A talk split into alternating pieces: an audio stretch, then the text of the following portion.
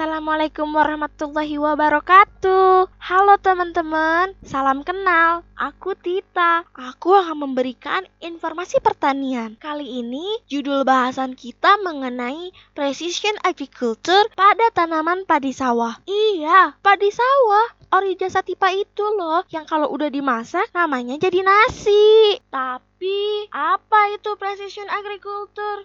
Bila kita telisik dari kata-kata yang ada, precision memiliki arti presisi, akurat, terakar, dan terukur. Sedangkan agrikultur memiliki arti pertanian. Precision agriculture atau pertanian presisi adalah suatu sistem pertanian yang mengintegrasikan penggunaan teknologi dalam mengumpulkan informasi sehingga dapat melakukan proses tanian secara presisi atau dengan input tempat dan waktu yang tepat untuk menghasilkan panen secara maksimal.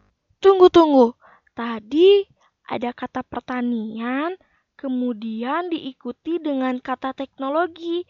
Emang mereka bisa bersamaan ya? Jawabannya tentu bisa dong teman-teman. Ayo kita bahas bersama. Teknologi informasi itu adalah istilah umum untuk teknologi apa pun yang membantu manusia dalam membuat, mengubah, menyimpan, mengomunikasikan, dan atau menyebarkan informasi. Saat ini sudah banyak teknologi informasi yang dimanfaatkan di bidang pertanian. Bahkan teknologi informasi bisa kita terapkan hampir pada seluruh tahapan proses produksi tanaman, terutama pada komoditas padi sawah yang menggunakan sistem budidaya jajar legowo atau jarwo. Proses produksi padi sawah dapat digolongkan menjadi lima tahap. Yang pertama perencanaan, kedua persiapan bahan dan alat, ketiga persiapan lahan, keempat penanaman dan pemeliharaan, dan kelima panen dan pasca panen. Mari kita bahas satu persatu. Tahapan yang pertama adalah perencanaan. Melalui internet, kita bisa lebih mudah mengakses informasi-informasi untuk menunjang tahapan perencanaan kita. Perencanaan ini harus disiapkan dengan matang karena perencanaan ini menentukan gagal atau berhasilnya produksi Selain itu, kita juga bisa mencari informasi mengenai perusahaan digital yang bergerak di bidang pertanian yang dapat membantu kita dalam pemodalan, bahkan ada juga yang bisa membantu kita dalam mengawasi produksi hingga pemasaran. Salah satu contohnya ada Crowde, Hub, dan lain sebagainya. Tahapan yang kedua adalah persiapan bahan dan alat. Aplikasi GIS untuk pemetaan lahan pertanian berdasarkan jenis tanaman berbasis web juga bisa membantu para petani untuk mengetahui perkembangan prediksi panen dalam waktu tertentu. Selain itu, juga terjadinya suatu kestabilan harga dikarenakan jumlah produksi panen sesuai dengan jumlah kebutuhan pasar. Selanjutnya, tahapan yang ketiga yaitu persiapan lahan atau media tanam ada alat pendeteksi kesuburan tanah Arduino dengan menggunakan empat sensor, yaitu kelembaban, pH, electrical conductivity, dan temperatur. Untuk cara kerjanya yaitu keempat sensor tadi ditancapkan ke dalam tanah terlebih dahulu. Lalu data yang didapatkan akan otomatis dikirimkan ke Arduino yang kemudian akan dikirimkan ke aplikasi atau web melalui gawai ataupun laptop dengan bantuan WiFi. Setelah kondisi tanahnya cocok, kemudian kita mulai ke tahap membajak. Sudah tidak asing bukan teman-teman? Ya, sawah memang identik dengan istilah membajak.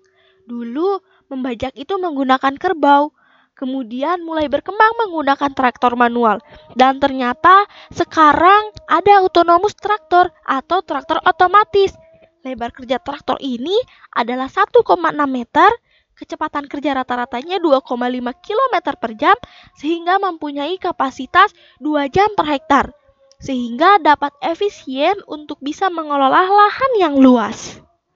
Selanjutnya, tahapan yang keempat yaitu penanaman dan pemeliharaan. Pasti teman-teman ingat dengan kata tandur kan? Bibit padi sebelum ditanam di lahan karena ukurannya yang kecil, kita harus menyemainya dulu. Baru deh kita bisa tandur. Iya, tanam mundur. Panas, pinggang encok, dan lama. Ya, itulah ciri khas tandur, menanam secara manual. Coba deh teman-teman searching mengenai mesin transplanter. Gimana-gimana? Udah lihat bukan? Mesin transplanter yang sudah didesain khusus untuk menanam dapat menyesuaikan jarak tanam padi secara jajar legowo. Tentunya dengan alat ini, proses tanam padi semakin mudah dan efisien. Setelah padi ditanam, kita tidak bisa membiarkannya begitu saja. Kita harus merawatnya agar hasil panennya nanti memuaskan. Untuk pemeliharaan, aku punya jurus jitunya. Ada mesin pembersih gulma. Mesin ini mirip dengan kapal bot mini yang di lautan, dikendalikan dengan remote control. Mekanisme kerjanya cukup sederhana. Mesin ini menarik pisau melengkung seperti jangkar kapal di belakangnya yang akan mencabut gulma-gulma.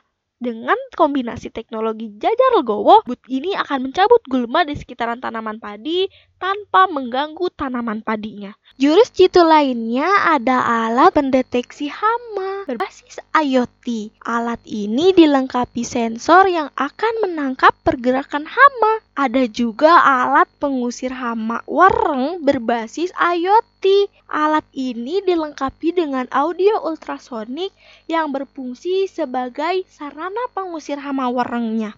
Kedua alat tersebut memanfaatkan panel surya sebagai energi. Prinsip kerja kedua alat tersebut juga mirip dengan alat deteksi kesuburan tanah Arduino. Jurus jitu selanjutnya ada drone penyemprot digunakan untuk menyiram air atau menyiram pupuk cair, bahkan digunakan juga penyemprotan pestisida. Biasanya penyemprotan secara manual bisa menghabiskan waktu 1 sampai 2 hari untuk satu hektar sawah. Namun dengan menggunakan drone, satu jam kita bisa menyemprot seluas 4 hektar sawah. Drone juga menggunakan remote control Drone ini bisa terbang loh, mirip seperti helikopter.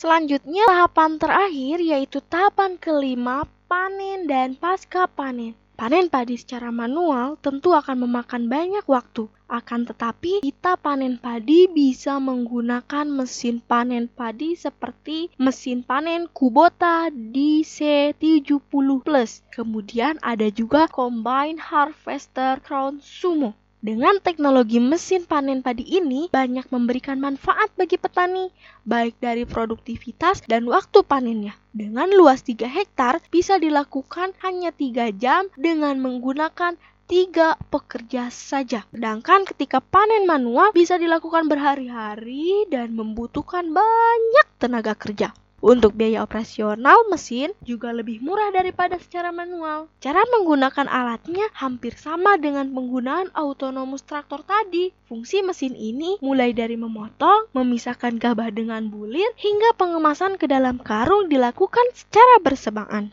Pemanfaatan internet juga dapat membantu petani dalam mempermudahkan pemasaran hasil pertanian loh, serta meningkatkan nilai jual sehingga akan meningkatkan juga pendapatan petani karena dapat memotong mata rantai penjualan. Itu dia teman-teman, pemanfaatan teknologi di bidang pertanian cukup banyak bukan? Dan juga ada kelebihannya seperti peningkatan efisiensi, mengurangi biaya pekerja, analisis datanya yang terperinci, hasil produksinya meningkat, mengurangi limbah, dan tentunya pengontrolannya dapat dilakukan dari jarak jauh. Namun, Salah satu kelemahan terbesar dari pertanian presisi adalah membutuhkan koneksi internet tanpa batas atau berkelanjutan agar berhasil.